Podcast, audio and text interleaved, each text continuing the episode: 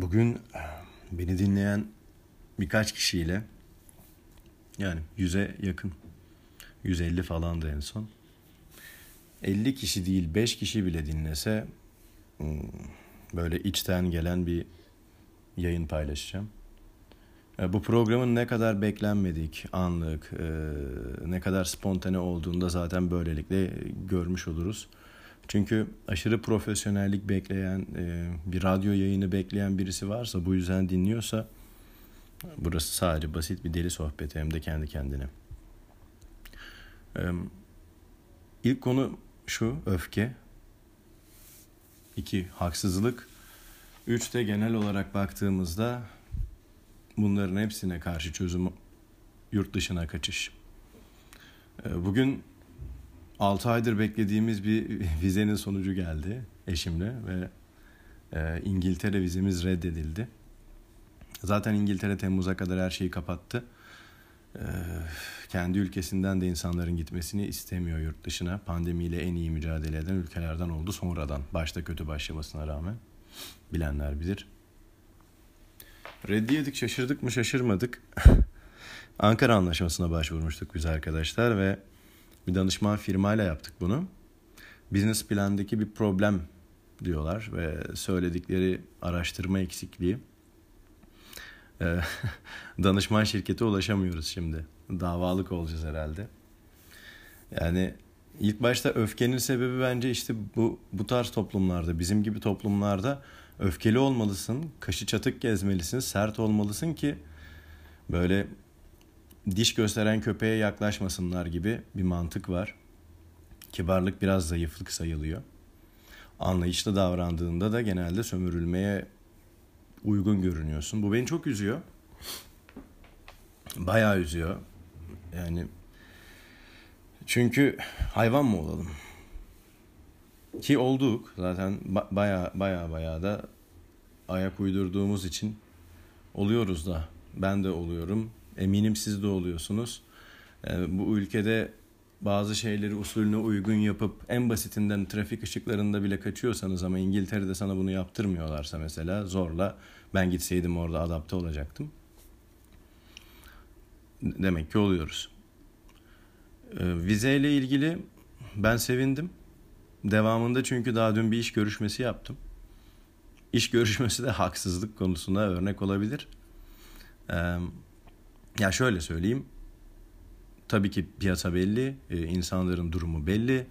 Ay sonunu zor getiren bir ailenin çocuğuyum ben. E, şükür sonradan fazlasını görme şansım oldu. Hala daha zorlanıyorum tabii ki hayatta. Milyoner değilim arkadaşlar.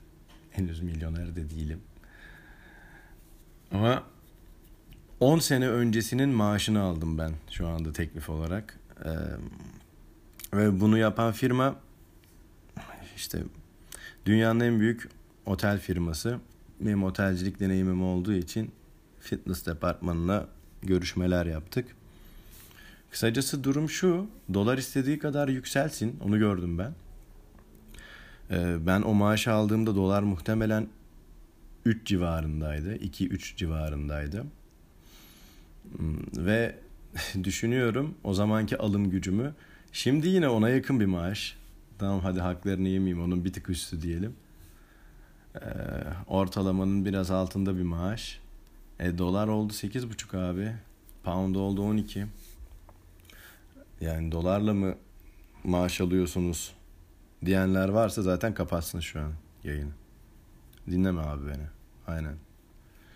E, dolarla mı maaş alıyoruz? Çünkü çok çok çok çok çok en baştan anlatılması gereken bir mevzu. Alıyoruz abi çünkü.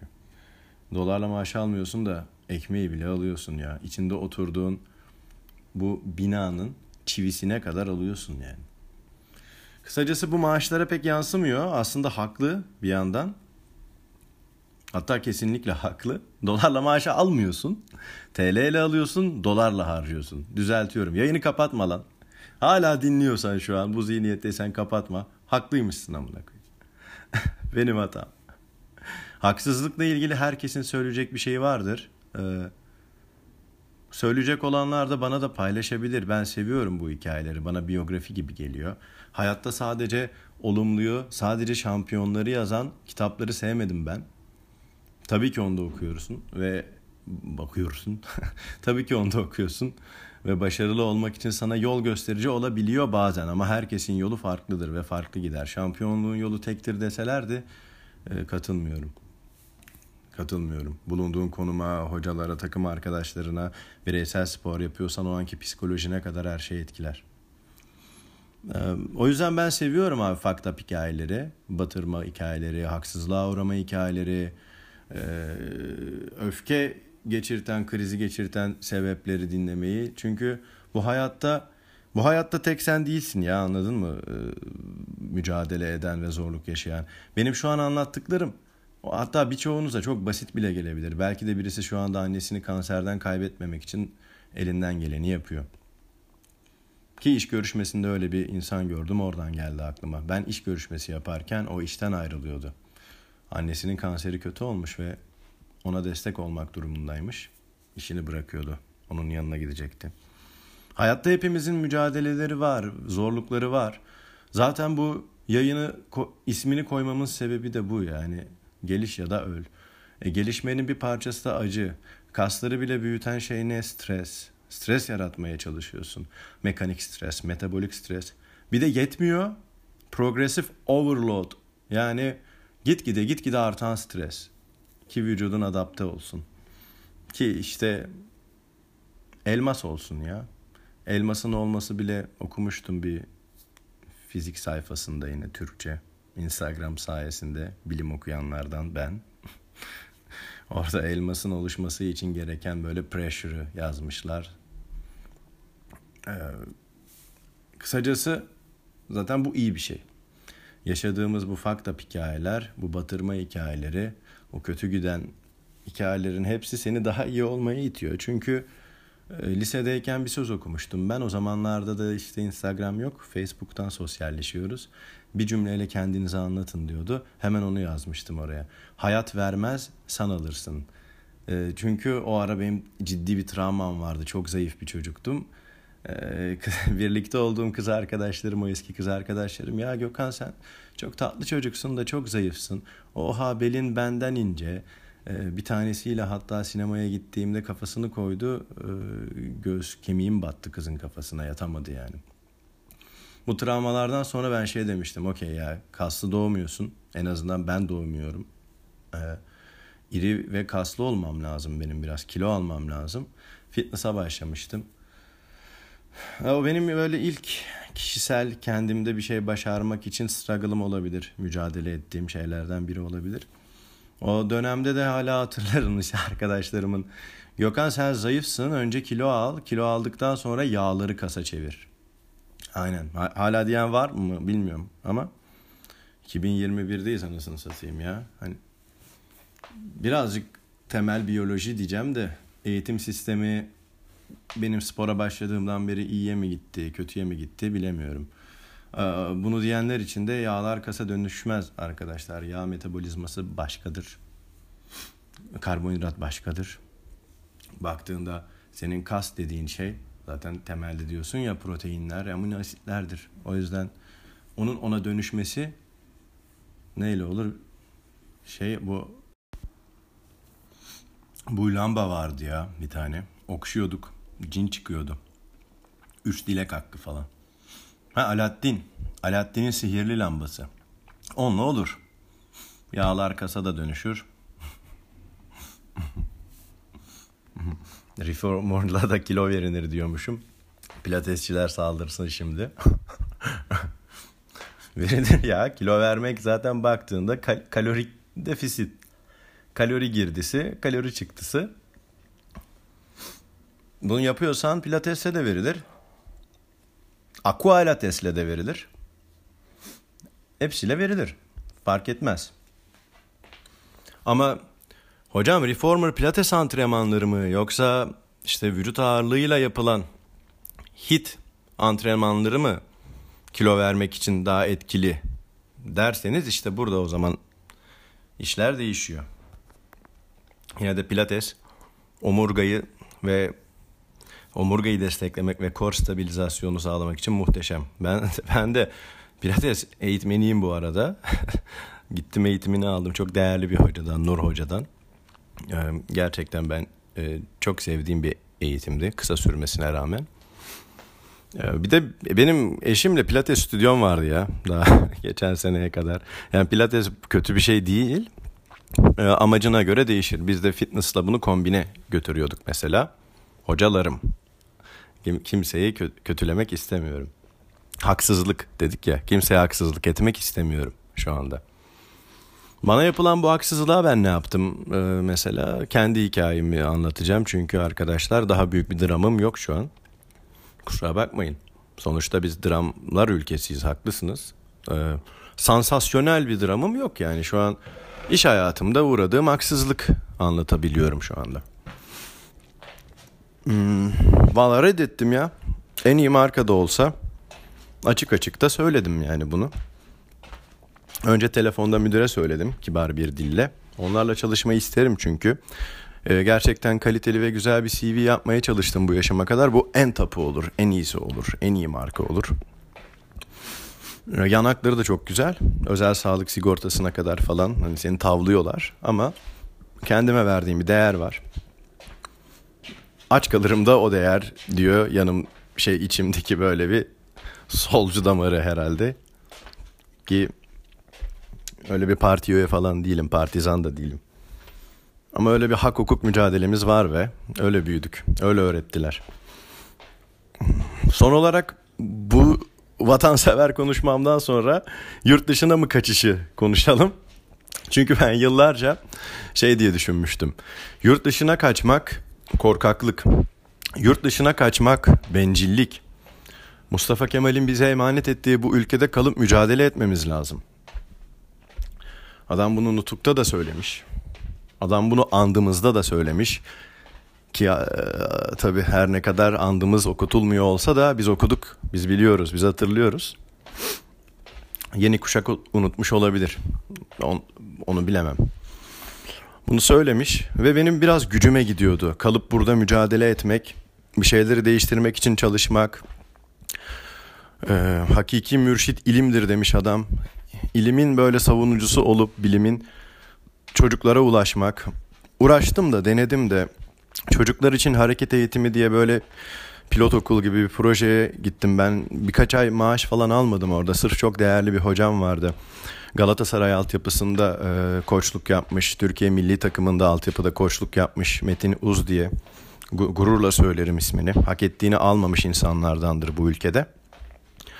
Onun başlattığı bir projeyle antropometrik ölçümleri alınırdı çocukların ve çocuklara temel hareket eğitimi verilip branşlaşma öncesi kuvvet aktarımı, e, postür kontrolü, e, doğru esneklik, doğru mobilite, önce nöromusküler verimlilik bu hareketleri öğretip çocuğa ardından o aldığın antropometrik ölçümler ve yaptığın psikanalizlerle ki burada da e, pedagoglardan da yardım alabiliyorsun.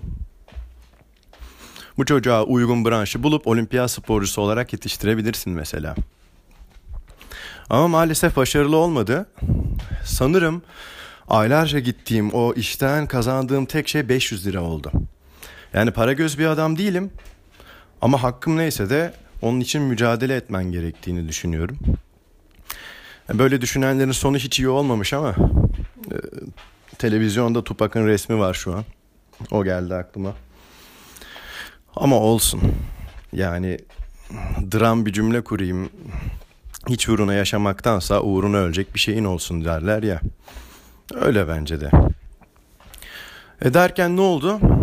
Benim bu vatansever, bu ülkeyi kurtaralım yönümü aslında bu bu ülkenin insanı kırdı yine. Bu bunlar yani.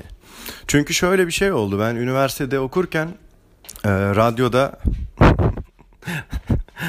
yine de radyoculuğu öğrenememişim aynen. Ama Kampüs FM'de radyoda e, düşük bir maaşla böyle okulun çalışanı olarak işe başlamıştım. Biz e, ortalama 30 öğrenci falandık ya listede. Tabii 20-30 öğrenci falandık. O bu podcast'in de bu yanı çok güzel. Buradan böyle sevmediğim müdürlerime uğradığım haksızlıklara sallayabiliyorum. Biri dinlerde denk gelirse selam olsun. Ee, 30 kişi falanız. 20-30 kişi. Abi radyoya gelen 5 kişiyiz ya. Normalde herkesin atıyorum haftalık 5 saat shifti varsa bize dayıyorlar 15'er saat shifti. E, gerideki 20 kişi nerede ya? Yok. Neyse bir toplantı yaptık. Biz de yeni katılmışız zaten ekibe çekiniyorum aslında. Ama hiç tanımadığım insanlar var toplantıda. Herkes gelmiş. Tanımıyorum ya. Toplantıda iş arkadaşımmış o benim. Çalışmadı ki kaç aydır. Neyse en son toplantı bitti. Sorusu olan var mı dedi. Ben el kaldırdım. Buyur Gökhan. Ya dedim müdürüm nasıl olacak bu? Biz burada 30 kişiyiz. Radyoda çalışırken 5 kişiyiz. Bu şifler dedim kimi geliyor 15 saat şif tutuyor. Bir tane arkadaş var dedim gördüm 35 saat şif tutuyor çocuk. Kimi 5 saat kimi hiç tutmuyor. Bunları bir düzene koymayacak mıyız? Ya da koyacaksak ne zaman koyacağız? O zaman anladım Gökhan dedi sen dur dedi. O 35 saat shift tutuyor dediğim arkadaşıma söz verdi. Adını hatırlamıyorum ama adı Haydar olsun. Haydar'cığım dedi sen kaç saat shift tutuyorsun haftada? 35 saat müdürüm. Haydar'cığım neden tutuyorsun bunu dedi. Müdürüm çünkü siz sevdiğiniz ve yetiştirmek istediğiniz insanları özellikle fazladan çalıştırıyorsunuz. Burada çalışmak bir şeref dedi. Sonra da yetmedi. Ama ben anlamıyorum dedi ya. Bu yeni arkadaşlar sürekli bir fitne fesat. Hep bir kavga çıksın istiyorlar. Ee, biz çok mutluyuz vallahi müdürüm dedi. Bir hafta sonra ben kovuldum. Ben oradan kovuldum abi. Kendimce Robin Hood'luk yaptım. Robin Hood'luk yaptığım herif yani benim kendimce kahramanlık yaptığım adam kendimi riske atarak beni yaktı lan. E sonra ülkenin geneline vurduğunda bunu kurtarılmak istemeyen bir toplumu nasıl zaten o battığı yerden çıkarabilirsin ki? Yani devrim için bile bir mücadele gerekiyor. E mücadele için bir farkındalık, farkındalık için de memnuniyetsizliklerinin gözünün içine bakıp söyleyip hesap sorabilmek gerekiyor.